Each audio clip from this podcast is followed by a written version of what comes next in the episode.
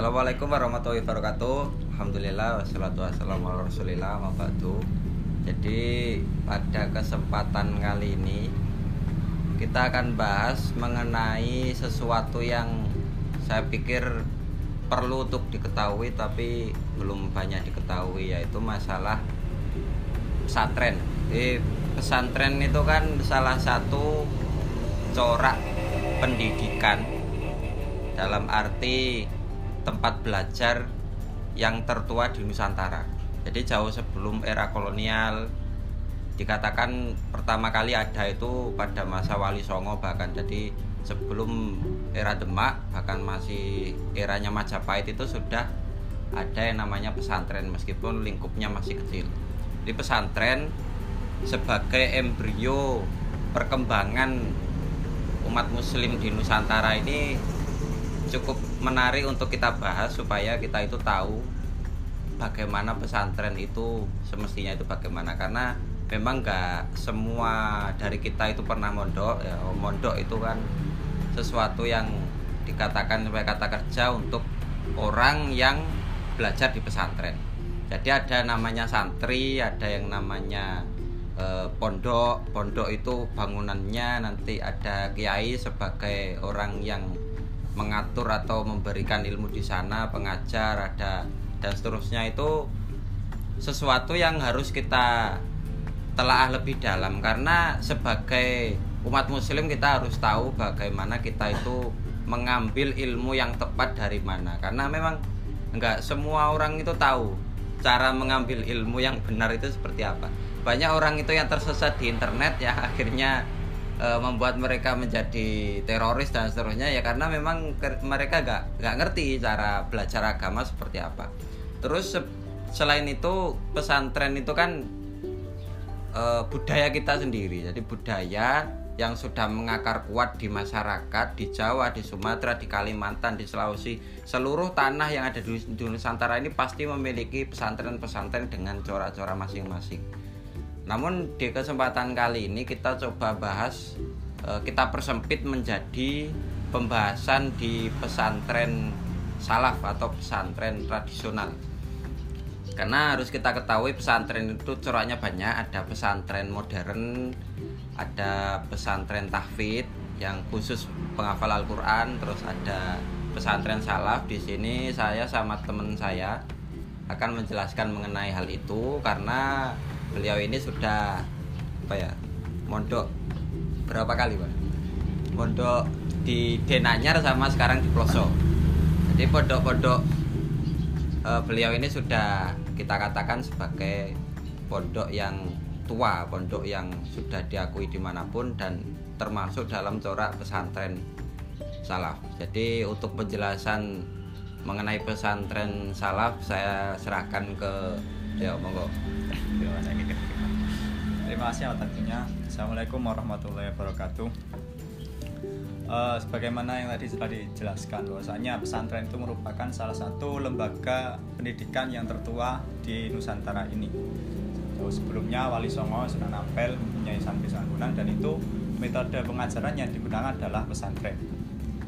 Kemudian pesantren sendiri ini saking uh, dirasa efektifnya untuk memberikan ataupun mengedukasi masyarakat untuk ilmu pengetahuan maka banyak yang mengklaim proses pembelajaran di pesantren adalah proses pembelajaran yang paling berhasil. Sehingga e, kalau dewasa ini kita lihat sudah banyak berdiri pondok-pondok pesantren tetapi e, karena pemahaman yang berbeda karena dari pengetahuan yang kurang dalam maka masyarakat itu menilai semua pesantren itu sesuai dengan jalur akidah kita yaitu sunnah wal jamaah. Tapi tapi kenyataannya di sini kita sering lihat kita sering jumpai bukan semua pesantren e, mempunyai dasar mempunyai landasan yang sesuai dengan akidah kita.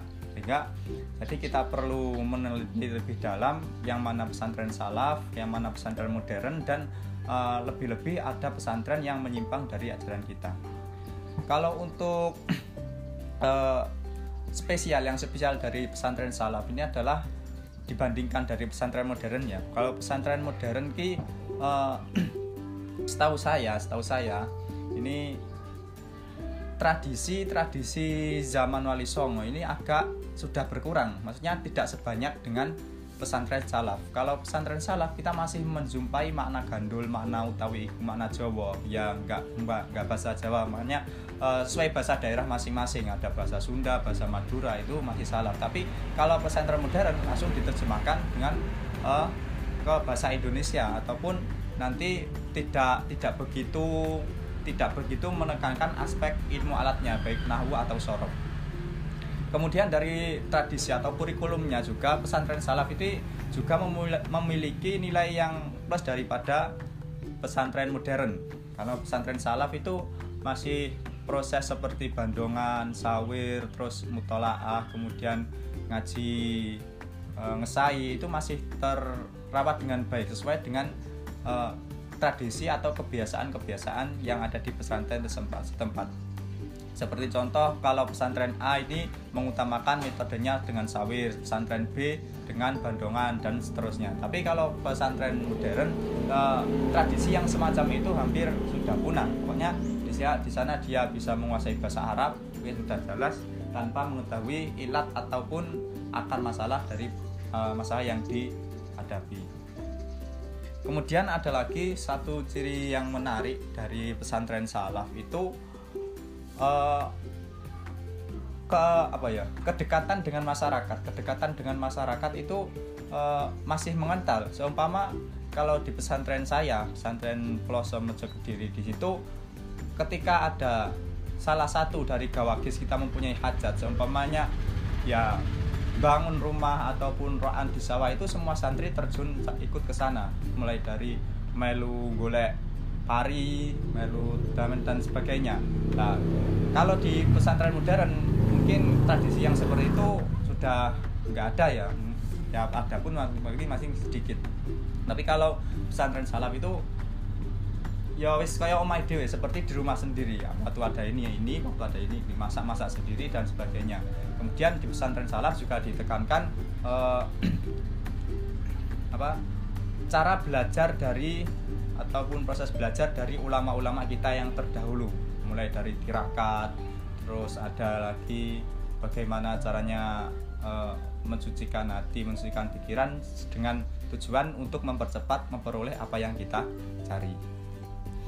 Kemudian ada pesantren-pesantren yang di luar e, koridor kita. Maksudnya menamakan atas nama pesantren dengan mengembel-embel ahlu sunnah wal jamaah tetapi ternyata di dalamnya itu diajarkan di uh, didoktrin untuk menyalahkan ajaran kita ahlu saya pernah punya teman yang lulusan ya bukan lulusan dia salah mondok juga.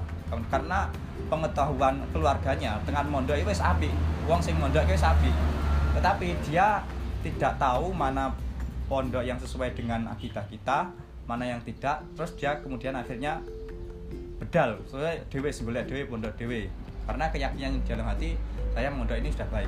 Nah tetapi ternyata di situ ketemuan ada di Jawa Tengah ya daerahnya. Dia di situ mondok di situ orangnya ya kalau dilihat sekilas wis Islam Islam tenanan jubahan berwaan ya nah berhubung dia masih pengetahuan agama masih kurang langsung mondok ning ternyata di situ perlakuan dari pihak pondok dengan adanya santri baru itu sangat istimewa. Udah dibeliin makan di uh, kas, uh, ruang ruangan yang istimewa ada AC-nya tapi setelah beberapa hari di sana dia semakin ganjal. Nggak nggak ada tradisi-tradisi di rumahnya. Pas dia di Gresik ya. Dia di Gresik pondok di situ kok beda sama sekali. Ternyata akhirnya setelah ditelusuri lebih lanjut tanya-tanya temannya ternyata pondoknya tidak sesuai dengan pondok yang dia inginkan salah salah pondok. Nah itu yang bahaya bagi masyarakat luas. Maksudnya kalau belum tahu kalau langsung e, moro-moro mondok no anak ini gini pondok sing salah kok dia pulang-pulang dari pondok malah akan me merusak tatanan masyarakat yang sudah ada yang sudah kuat ini mungkin itu saja sedikit pengulasan tentang pondok salaf dengan ciri-ciri khasnya dengan metode pembelajarannya kurikulumnya. Sangat beda sekali dengan pondok modern. Oh jadi begitu ya Tadi itu saya mendengar beberapa istilah asing bagi yeah. beberapa kalangan seperti uh, syawir, yeah. bandongan. terus mutolaah lah itu bisa dijelaskan itu itu apa itu kira-kira ya memang itu mempunyai istilah sendiri ya jadi santri yang pertama sawir dalam kurikulum sawir atau metode pembelajaran yang memprioritaskan sawir di situ untuk masalah makna, untuk masalah keterangan itu sudah disampaikan sebelumnya. Nah, jadi untuk uh, santrinya sendiri ini lebih menggali lebih dalam ataupun memperluas tema permasalahan. Jadi bahannya sudah ada, tinggal kita menjabarkan dan nanti uh, permasalahan-permasalahan yang timbul akan dikupas sampai habis. Itu kalau sawir. Tapi kalau bandongan, bandongan ini lebih uh, gimana ya? Me menerima apa yang disampaikan oleh guru. Sampai mana bandongan itu ada yang uh, nama lain adalah ngesai. Jadi gurunya di situ sambil ngesai, sambil maknai, di situ sudah diuraikan dari oleh ustadznya ataupun kiainya. Jadi santri sudah ikut sama kiai aja. Kemudian mutolaah. Mutolaah itu adalah sebuah pembelajaran yang dilakukan uh, kalau di sini apa ya? Evaluasi evaluasi dari pembelajaran yang sudah disampaikan. Seumpama materi dapat sehari ini dapat A sampai B nanti besoknya diulang lagi. Dan itu tergantung pesantrennya. Ada yang mengulangnya itu uh, satu minggu ada sampai berapa bagian dan seterusnya. Maksudnya untuk metode mutalaah ini adalah kalau saya rasa uh, kalau di pesantren semua ada ya. Karena dia sifatnya adalah uh, apa me mengulangi pelajaran yang telah disampaikan. Baik itu pelajaran yang disampaikan itu dari Sawir ataupun dari Bandungan ataupun dari yang lain. Oh gitu. Jadi pada pada dasarnya kalau Sawir itu model belajar aktif ya. Aktif, aktif saling berdiskusi saling menyampaikan apa gagasan. Tapi kalau eh, apa itu tadi? Bandungan. Bandungan itu model pasif. Dalam arti guru menyampaikan terus santri langsung memaknai seperti itu ya. Lah yang menjadi ciri khas utama itu di pesantren salaf itu adalah kalau pandangan masyarakat pada umumnya itu pesantren salaf itu tidak ada sekolah formal. Ini rata-rata pemahaman masyarakat itu misal di pesantren A itu salaf. Nah, dimaksud salaf itu adalah tidak ada sekolah formal di situ. Tetapi kalau yang modern itu sudah ada apa SMA, SMK bahkan perguruan tinggi. Lah apakah seperti itu kira-kira? Uh, sebenarnya untuk istilah sekolah formal dan sekolah tidak ada tidak itu memang pikiran yang mengakar di masyarakat seperti itu. Jadi uh, mau tidak mau memang kenyataannya seperti itu. Tapi dengan uh, istilah salafnya itu juga tidak menutup kemungkinan santri yang belajar di situ juga sekolah di umum maksudnya di formal. Karena kalau memang sekolah formalnya itu hanya apa ya mengkaji kitab-kitab maksudnya dari uh, buku yang dikirimkan pemerintah itu tidak dipakai. Maksudnya untuk pelajaran agama otomatis sekolah di sana menggunakan kitab langsung beracuan pada kitab. Itu saya rasa masih bisa dikategorikan dengan pesantren salaf. Karena cuma apa ya beda beda tempat lah. Kalau di ya intinya sama-sama ngaji tapi kalau di formal itu ngajinya di bangunan harus disediakan untuk memang sekolah. Tapi kalau di salaf itu memang bangunannya ya bisa digunakan tempat tidur digunakan uh, sekolah digunakan belajar dan sampai sekarang di pelosok ini menggunakan istilah istilah sekolah. Karena kalau pagi memang sekolah tapi sekolah yang uh, menggunakan kurikulum yang di sana yang ditetapkan bukan mengikuti uh, kurikulum yang sudah ditetapkan dari uh, pemerintah ya. Karena memang sekolah dari uh, pesantren salaf itu sendiri sudah mempunyai uh, kurikulum metode pembelajaran dan bahan-bahan ajaran yang sudah disampaikan. Jadi untuk menanggapi masyarakat biasanya nih salaf itu gak sekolah nih formal sekolah ini modern sekolah ya bisa dibenarkan seperti itu walaupun tidak menutup kemungkinan masih ada pesantren salaf yang uh, juga memperdalami ilmu-ilmu seperti yang di sekolah biasa. Nah, jadi sebenarnya salaf ini yang yang apanya gitu? Salaf itu. Salaf itu terletak pada tradisi masih menjaga tradisi dari pesantren-pesantren uh, yang seperti dahulu yang saya ungkapkan tadi Berarti kalau misal ada pesantren, di situ ada katakanlah SMP, Ya. tetapi ya masih menggunakan kitab kuning, masih sorogan tadi dan seterusnya. Berarti itu masih masuk kategori pesantren salaf seperti itu. Menurut saya seperti itu karena masih cuma ada beberapa eh, tambahan aja gitu. Oh gitu. Jadi kalau yang kita lihat bersama itu tadi kan saya bilang di awal kalau pesantren itu ada pesantren modern. Pesantren pesantren modern katakanlah Gontor ya, Gontor terus Sunan Derajat itu kan modern yang menghasilkan alumni-alumni yang bisa langsung kerja, bisa langsung apa berapa jadi menteri dan seterusnya. Terus kalau pesantren salaf ini ditujukan untuk menjadi apa gitu loh. Atau atau kita bilang eh, kita mondok ke sini itu supaya jadi apa atau dapat apa gitu. Itu kan pertanyaan yang sering dilontarkan oleh orang-orang yang belum pernah tahu dunia pesantren gitu loh. Ngapain mondok ke sini tapi dapatnya apa nanti? Itu kira-kira gimana? Ya mungkin eh, itulah paradigma masyarakat yang menganggap eh, lulusan pesantren itu masih kolot, maksudnya dengan keseharian yang dilakukan hanya mengaji, belajar dan mengajar maka nanti ketika lulus masih ditanyakan iso apa? Nanti mergawe apa? Tapi sebenarnya di pesantren itu pesantren salaf itu eh, yang ditekankan adalah persiapan dia untuk menghadapi tantangan masyarakat dalam masalah agama.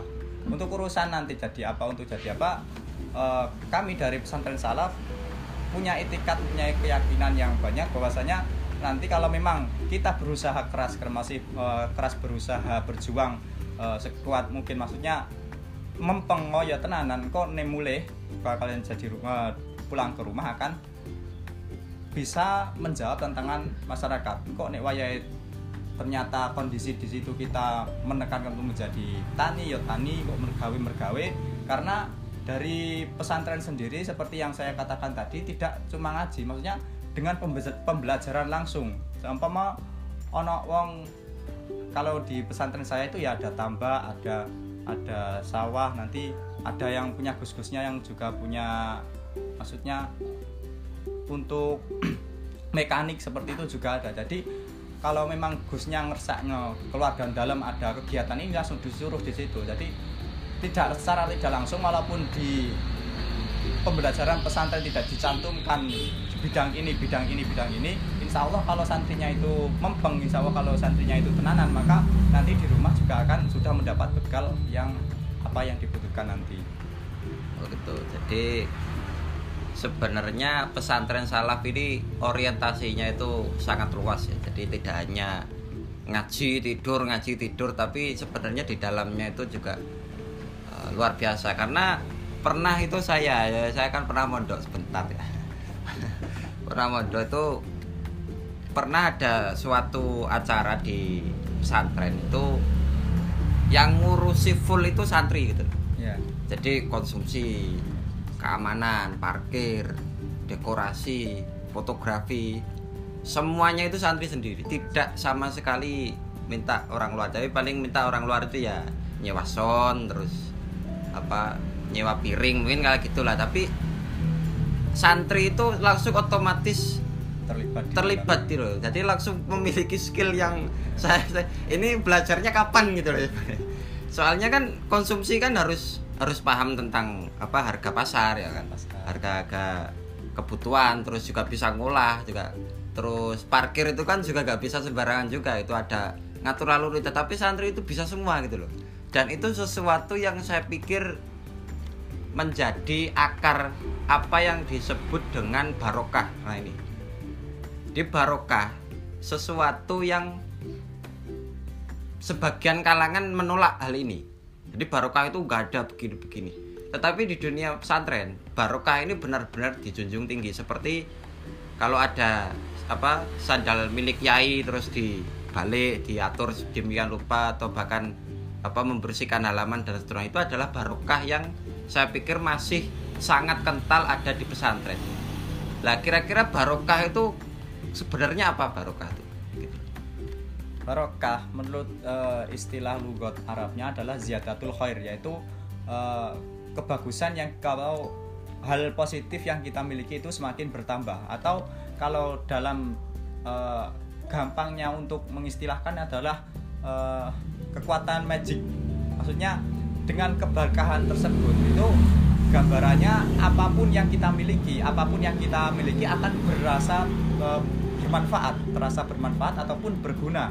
Ya seperti yang di jenengan jelaskan tadi bahwasanya dengan taat pondok dengan belajar ke pondok sing asine gak iso apa-apa mergo nurut ning pondok. Karena uh, mematuhi peraturan pondok karena mematuhi peraturan kiai maka di situ akan keberkahan akan muncul. Jadi skill yang ada di dirinya atau potensi yang ada di dirinya otomatis dia akan keluar karena adanya uh, seperti macam apa ya uh, kekuatan magic itu tadi. Ya, kalau kalau dipikir ya nggak nggak namanya barokah itu kalau dipikir kadang juga nggak masuk akal. Seperti itu tadi. Gak iso market tidak bisa skill masak tapi ketika dibutuhkan nanti akan muncul dengan adanya sendiri.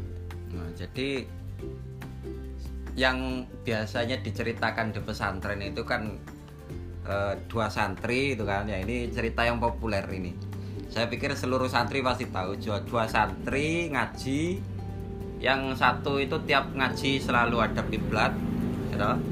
tapi yang satunya ini ya terserah dia itu enaknya gimana tetapi ketika lulus ternyata yang menghadap kiblat ini nanti e, keulamaannya itu jauh lebih besar itu ya. di situ cerita ini itu mengindikasikan bahwa barokah itu sesuatu yang berasal dari ketaatan atau apa ya kalau kita bilang itu ngalap barokah itu gimana ya bahasa kan ya soalnya gimana ya menata sandal kiai itu kalau kita lihat secara sekilas itu sesuatu yang biasa aja gitu.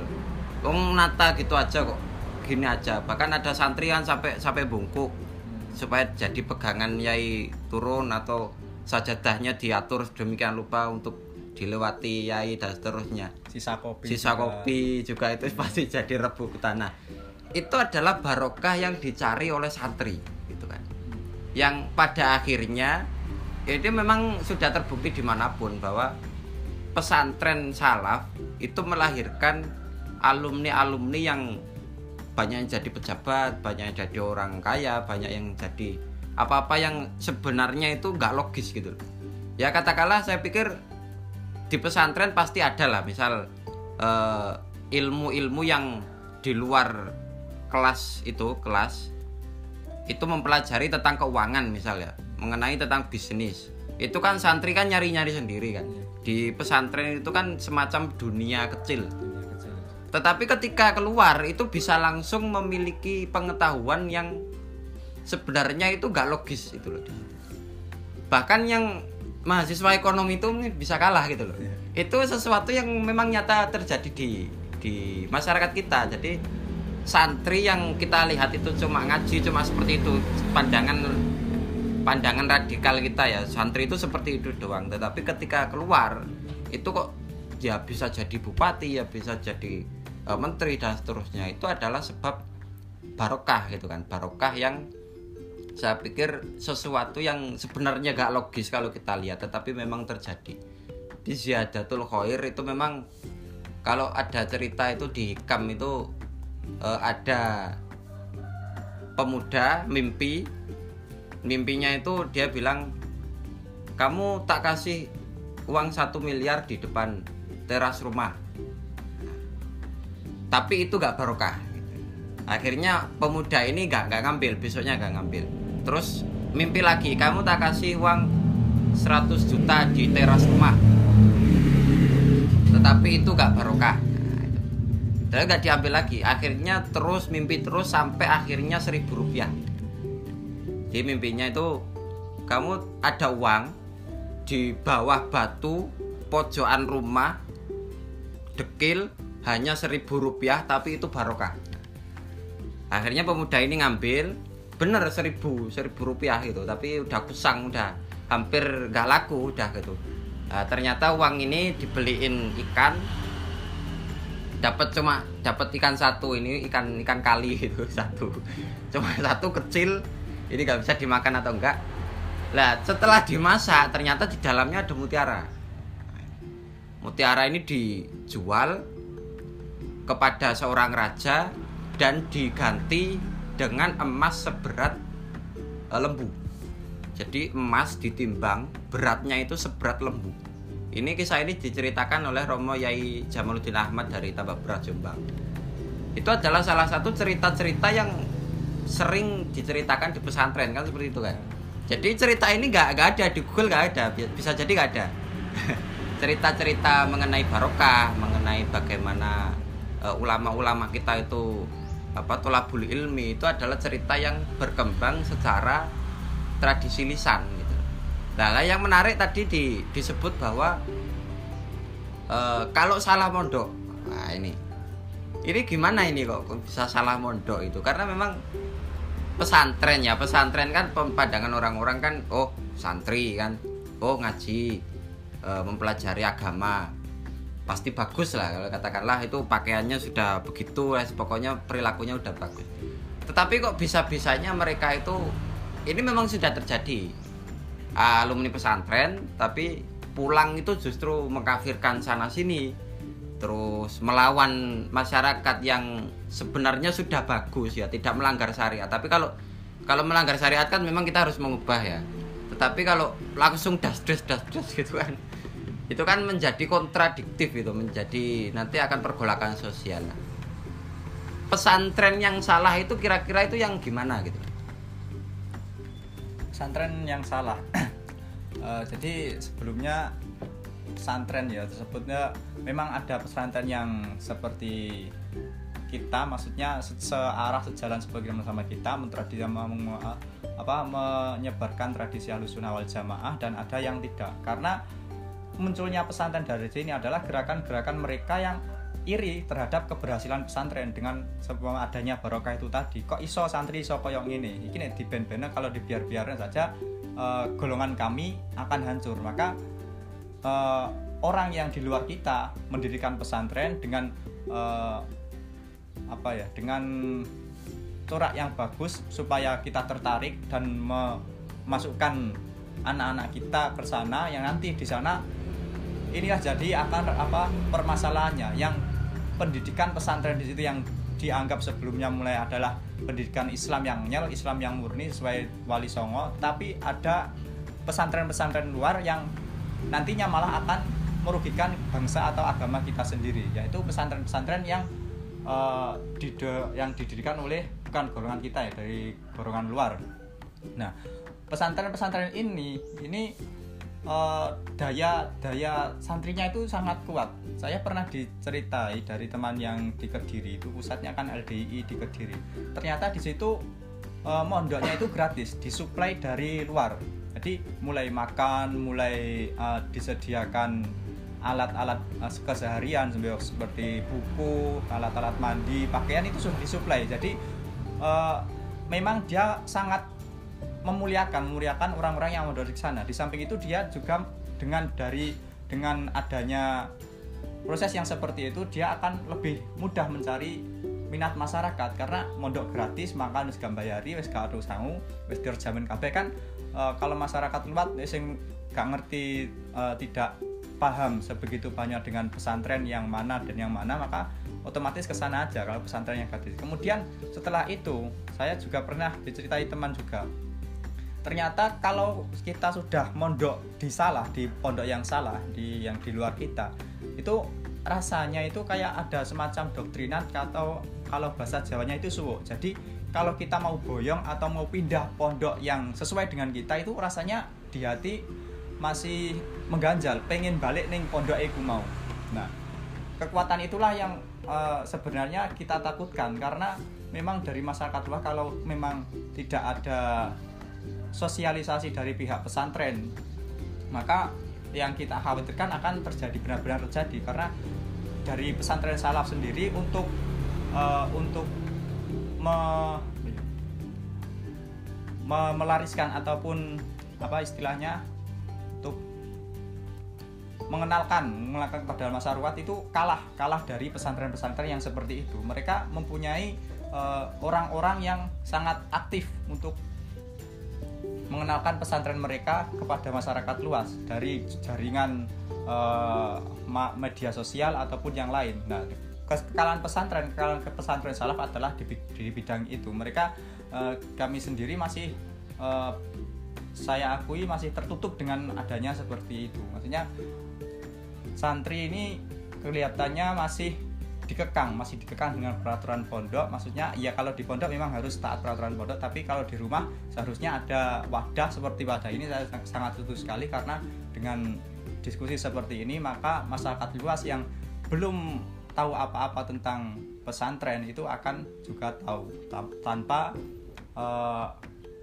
apa tanpa berkunjung ke pesantren atau melakukan uh, survei ke pesantren-pesantren dulu. Jadi uh, pesantren salaf adalah pesantren yang uh, sesuai dengan pola pikirnya masyarakat, sesuai dengan akidah sunnah jamaah dan di samping itu mas, uh, terdapat pesantren-pesantren yang berbahaya untuk keyakinan sunnah wal jamaah sendiri ataupun agama nusa dan bangsa kita sendiri. Ini mungkin yang terakhir ya, ini sesuatu yang menurut saya itu sangat penting yaitu nggak semua anak. Nggak semua kita itu berkesempatan belajar di pesantren ya. Toh tadi punya kesempatan itu juga kadang salah kan gitu. Hmm. jadi kadang tepat juga. Tapi nggak semua dari kita itu bisa belajar di pesantren. Atau bahkan juga nggak mau kadang juga nggak mau. Karena pesantren itu kayak jauh jauh jauh dari orang tua ya. Nggak nggak bisa hp dan seterusnya. Itu kan susah dan nggak semua orang tuh mau tapi di sisi lain masyarakat kita itu gairah belajar agamanya itu kuat. Dan pada akhirnya mereka belajar di belajar sendiri di Google di YouTube di apa buku-buku terjemahan yang bacaannya itu belum tentu sesuai dengan kapasitas gitu loh. Langsung langsung tasawuf gitu kan. Belum dulu fikih dasar tapi langsung tasawuf. Yang fikihnya ini juga kadang nggak nggak syafi'i. Maksud saya kan ada mazhab-mazhab kan gitu. Tetapi kan dikatakan bahwa Syafi'i itu kan yang paling tepat dengan kondisi sosial di Indonesia. Kalau kita makainya Hambali atau makainya Maliki ya ya sah-sah saja sebenarnya. Cuma ketika dilihat masyarakat itu kok, kok aneh gitu kan. Jadi bacaannya ini juga kadang kurang tepat. Juga mereka juga belajar kepada pihak-pihak yang takfiri yang suka mengkafirkan. Dan ini salah ini salah yang tidak toleran tidak modernis tidak apa moderat. Itu kira-kira itu gimana ini kira-kira itu? Soalnya ya tadi di sisi lain mereka gak gak berkesempatan untuk mondok tapi di sisi lain mereka juga butuh belajar. Belajar sendiri juga pada akhirnya ngawur baca-baca Quran juga tajwid juga gak tahu fikih juga gak bisa ini membedakan yang syarat rukun juga sholat ya seperti itu saja. Ini kira-kira bagaimana menyikapi hal seperti ini? Ya pertanyaan sangat bagus sekali karena memang kita lihat antusiasme warga di sini untuk belajar agama ternyata sangat sangat tinggi tapi dari latar belakang mungkin yang berbeda ataupun ada perasaan sungkan atau kenapa yang tidak yang bisa tidak bisa mondok oleh faktor, faktor ekonomi atau waktu ataupun tuntutan sosial yang tidak memungkinkan maka uh, jalan terakhir dia kalau tidak ada yang guru guru atau sosok uh, sosok, uh, sosok masyarakat atau masyarakat di sana maka ya itu otomatis dia akan belajar sendiri. Karena memang daya untuk belajar itu sangat kuat sehingga dia akan munculkan uh, bahwa yes, pokoknya belajar belajar agama belajar agama nanti saya akan mau saja tetapi oleh karena itu oleh karena uh, kemauan mereka yang begitu kuat tapi tanpa adanya pengetahuannya lebih dia akan memanfaatkan browsing browsing di YouTube atau di Google. Yang seperti yang saya katakan tadi kalau kita pesantren salaf itu kalahnya di bidang ini. Jadi di dalamnya ini lebih didominasi oleh golongan-golongan mereka yang itu akan menyebabkan kesesatan ataupun e, kerusakan moral ataupun akhlak ataupun ilmu agama yang ada pada kita. Nah, untuk mengantisipasi seperti itu, kayak seperti uh, mengambil fikih dari empat madhab memang sah-sah saja. Tapi kalau ada memang dibaca empat, kalau orang yang tidak tahu kan empat, ternyata dipilih yang ringan, itu tidak sesuai dengan uh, apa metode kita ya. Kita tidak boleh mengambil yang ringan. Sama mana mesolat melu madhab iki kan di cukup sing ringan atau dimakan talfik itu kan tidak boleh.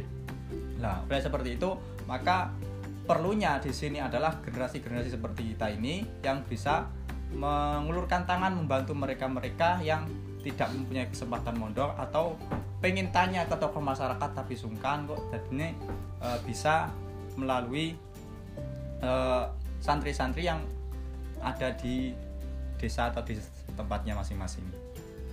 Jadi santri itu harus tahu diri begitu ya? Ya, harus bisa saya, menempatkan posisi diri di mana. Uh, jadi saya pernah mondok saya punya ilmu saya bagikan kan harusnya kan seperti itu tapi yang terjadi ya termasuk yang saya lakukan uh, yang saya ketahui di Surabaya santri ini gak gak mau nonjol gitu loh mungkin terlalu tawaduknya atau bagaimana tetapi pada akhirnya misal satu angkatan saya ya angkatan kuliah itu kan ada sekitar 130 yang bisa dikatakan 80% itu anak non pesantren nggak pernah mondok anak SMA dan seterusnya.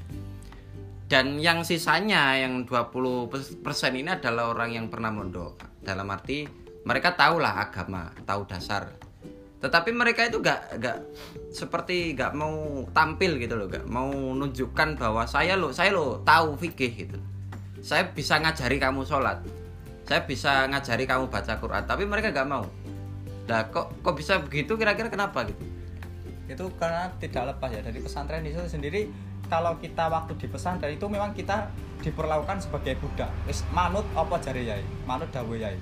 Tapi itu jangan maksudnya hal yang semacam itu kalau di rumah itu ya maksudnya jangan terlalu diterapkan. Maksudnya kalau kita ditanya oleh masyarakat ditanya oleh masyarakat ojo ojo sok ngali maksudnya ojo ojo tawadu gak ngerti aku padahal ngerti.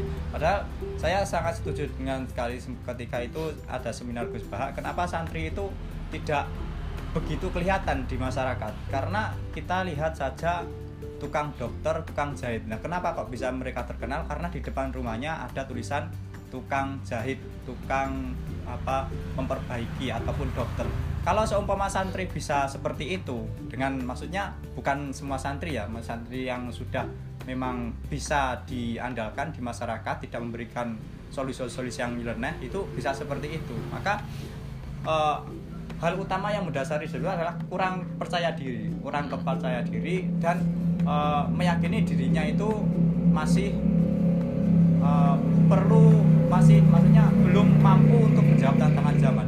Padahal uh, dari pihak pesantren mungkin tidak tidak beranggapan seperti itu. Kok le sampai mana awak meneng omah meneng wae wis sing santri ben awak muda wis wong liya biar diam aja. Kamu ketika uh, menghadapi masalah wis ben isomu saya ini. Jangan seperti itu. Mungkin kita harus aktif harus selalu uh, menyikapi masalah. Ya kalau tidak bisa kita konsultasi dengan yang lebih mampu yang lebih alim yang lebih tahu di bidang itu. Ya makanya dalam artian kalau memang melihat masalah juga jangan terlalu diam. Kalau tidak tahu kita tanyakan lalu baru kita omongkan kepada yang bersangkutan gitu. Berarti yang terjadi itu memang masalah percaya diri itu tadi yang artinya ini masalah pribadi. Bukan masalah kurikulum pesantren atau kiai nyuruh begini mungkin enggak ya. Ternyata kembali kepada pribadi. Karena tadi kan ada model sawir kan ya. Sawir itu kan menyampaikan gini gini gini. Itu kan harusnya bisa diterapkan juga di masyarakat gitu kan. Harusnya santri itu bisa memposisikan diri sebagai pihak atau sumber orang untuk belajar agama. Tidak tersesat di apa di Google itu tadi. Karena kalau sudah tersesat ya karena memang harus diakui pengakuan dari apa simpatisan ISIS itu mereka itu rata-rata ibu-ibu rumah tangga itu kan. Atau pensiunan mereka itu sadar gak punya ilmu agama. Lalu nyari di Google nemu situs yang menarik yang warna-warni kelap-kelip itu. Di dalamnya kok bagus kontennya bagus. Semakin ke dalam ternyata itu adalah simpatisan dari ISIS dan mereka tergiur dengan apa doktrin-doktrin untuk mendirikan ini ini itu dan seterusnya. Dan itu harus kita apa ya kita hindari sejak dari teman-teman kita dari keluarga kita sendiri jangan sampai mereka itu apa ya terjerumus. Uh, terjerumus ke sana. Ya minimal kita pasti punya lah ya teman-teman kita atau kenalan-kenalan yang alumni pesantren ya. Kita bisa mengarahkan untuk tanya ke ke santri itu kan itu juga bisa gitu. karena santri kalau sudah alumni itu saya pikir sudah memiliki kapasitas yang cukup untuk sekedar memberikan arahan oh ini yang membatalkan sholat seperti ini. Oh ini agak boleh zakat seperti ini. Yang sah kalau nikah seperti ini kan mestinya harus tahu ya karena yang dipelajari di pesantren itu ya kitab-kitab yang dari dasar sampai tinggi kan dipelajari semua. Dan bahkan banyak santri pun sampai hafal juga kitab tersebut itu harus harus hafal di beberapa pesantren kan di mereka seperti itu. Nah, untuk untuk closing ini mungkin ada yang nonton dari teman-teman yang punya keinginan mondok. Nah, itu kira-kira pesannya apa? Silakan disampaikan untuk rekan-rekan yang ingin melanjutkan uh, pembelajarannya ke pesantren ya. Uh, minimal anda tahu pesantren mana yang anda tuju. Mulai dari kiainya dari sanat keilmunya karena sanat keilmunya itu begitu penting ya karena orang yang tidak mempunyai guru dalam masalah agama maka gurunya adalah setan. Kayak seperti ini. Makanya banyak tersesat. Itu juga dari godaan setan. Besar dari untuk memilih aliran-aliran aliran-aliran yang sesuai dengan kita. Kemudian eh, bagaimana status pesantren tersebut? Maka apakah di situ metodenya itu sama seperti potensi yang ada dalam diri kalian atau tidak? Karena nanti kalau potensi anda itu melakukan A sedangkan anda pesantren ke B kok uh, yang ada isinya malah nggak cocok terus. Maksudnya tidak sepemikiran maka nanti akan menghambat laju sampean untuk uh, belajar lebih dalam tentang agama. Dan jangan lupa nanti kalau sudah menemukan pesantren yang cocok, memilih uh, pesantren yang sesuai dengan uh, pemikiran Anda, sesuai dengan mandat Anda, maka ya mumpung udah di pesantren ya belajar yang sungguh-sungguh gitu kan. Kalau itu rasa gak kerasan itu kan biasanya ada itu. Nah itu gimana itu? Santri gak kerasan pengen pulang wis iya. nangis-nangis itu gimana itu? Hal yang wajib ya wajib wajib gak kerasan di mondok nih sekali mondok langsung kerasan itu udah ini malah gampang metu wong oh gitu ya? malah gitu Bentar ora kerasan sih kok enak-enak ning pondok dadi ini kok dari kita nggak kerasan di pondok nanti akan uh, akrab dengan situasi yang ada di pondok. Jadi gitu. Nggak maklum kalau nggak kerasan nggak apa-apa ditahan aja. Paling ya dua bulan eh dua bulan dua minggu udah mulai kerasan. Kalau jaringan diri dulu nggak kerasannya gimana? Nggak nggak kerasannya ya namanya di pondok nggak bawa HP nggak bawa TV nggak bawa motor jauh dari orang tua jauh dari orang yang setiap hari ada kita otomatis langsung down lah minta gitu nggak kerasan. Ya sempat nangis bian pas oh, ya, neng, dinanyar. Kok kano nggak ada teman yang kenal dari beda-beda daerah tapi akhirnya dengan semua bernasib seperti itu jadi saling curhat jadi ini kayak keluarga sendiri lah jadi kedekatannya semakin bagus gitu jadi fase gak betah pengen pulang itu memang fase yang harus dilalui ya. Tapi kalau sudah kerasan ya, sudah nyaman di pondok itu bahkan boyong lama pun pengen balik gitu. Ya termasuk saya sendiri itu termasuk orang yang kangen suasana pesantren ya makan bareng ya. Terus ngopi, bagaimana ngopi bareng. ngopi bareng, belajar bareng itu benar-benar sesuatu yang awalnya kita gak suka ya awalnya ah, ngapain lah tidur aja kan gitu kan. Tapi kalau sudah boyong nah itu baru kita rasakan oh ternyata nikmatnya luar biasa. Oke jadi uh, untuk kesempatan kali ini kita cukupkan sampai di sini pembahasan mengenai pesantren salaf. Jadi rara super kita memang santri salaf jadi kita harus membuka wawasan kita itu tanya kepada orang yang tepat gitu kan. Kalau kita tanya seputar kampus ya nanti kita undang aja teman-teman yang pernah ngampus ya pernah jadi mahasiswa. Tapi pada kesempatan kali ini kita bahas tentang pesantren salaf. Nanti di lain waktu bisa kita lanjutkan mengenai pesantren salaf uh, jilid 2 mungkin atau aspek-aspek yang belum diketahui oleh masyarakat umum juga bisa kita nanti membedah mengenai pesantren eh, apa itu pesantren tahfidz atau pesantren modern seperti apa dalamnya kita akan bahas secara lebih dalam di pembahasan selanjutnya. Terima kasih untuk pembahasan kali ini. Terima kasih dari Gusmun sudah menyertai dan kita semoga dalam uh, konten yang kita buat ini bisa memberikan pemahaman teman-teman supaya pesantren itu begini-begini yang mondok, yang mau mondok, yang sudah di pondok atau yang pernah mondok itu bisa sedikit mengetahui atau lebih mendalami mengenai pesantren salah. Jadi kita akhiri dulu. Cukup. Wassalamualaikum warahmatullahi wabarakatuh.